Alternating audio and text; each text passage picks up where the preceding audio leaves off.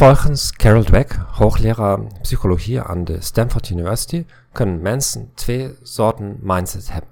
Met een groei-mindset geloof je dat je intelligentie en persoonlijkheid kneedbaar of veranderlijk is. Als je genoeg moeite doet, kun je je vaardigheden veranderen. Mensen met een fixed mindset geloven dat hun intelligentie en persoonlijkheid tijdens hun leven niet veel veranderd kunnen worden.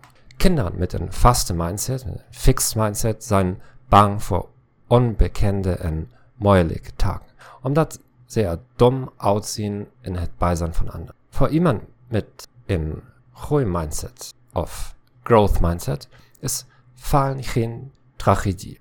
Het is slechts informatie over wat er verbeterd moet worden. Dit is een zeer gevaarlijke theorie.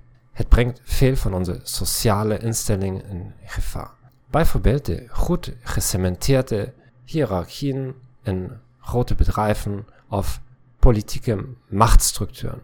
Het ontneemt elke mogelijkheid om anderen te disciplineren door belachelijk te maken hoe dom ze zijn. Want als je mensen met een goede mindset vertelt dat ze idioten zijn, kunnen ze eenvoudig dit antwoord geven. Op dit moment zie ik er misschien uit als een idioot, maar dit is slechts een tijdelijke fase.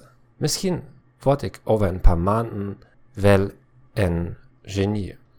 Personeelafdelingen zullen hun strategie moeten heroverwegen en instrumenten moeten vinden om het potentieel van een kandidaat te beoordelen. Dit legt veel druk op organisaties. Stel je voor wat er zou gebeuren als steeds meer mensen vertrouwen zouden hebben om hun eigen problemen op zonder afhankelijk te zijn van overheidsbureaucraten. Afgezien van dit alles is de theorie van Carol Dweck duidelijk onjuist.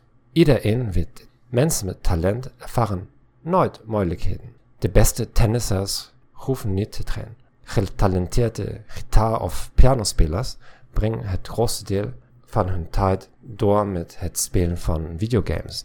Alleen de ongetalenteerde en onprofessionele sporters besteden talloze uren aan het verbeteren van hun vaardigheden.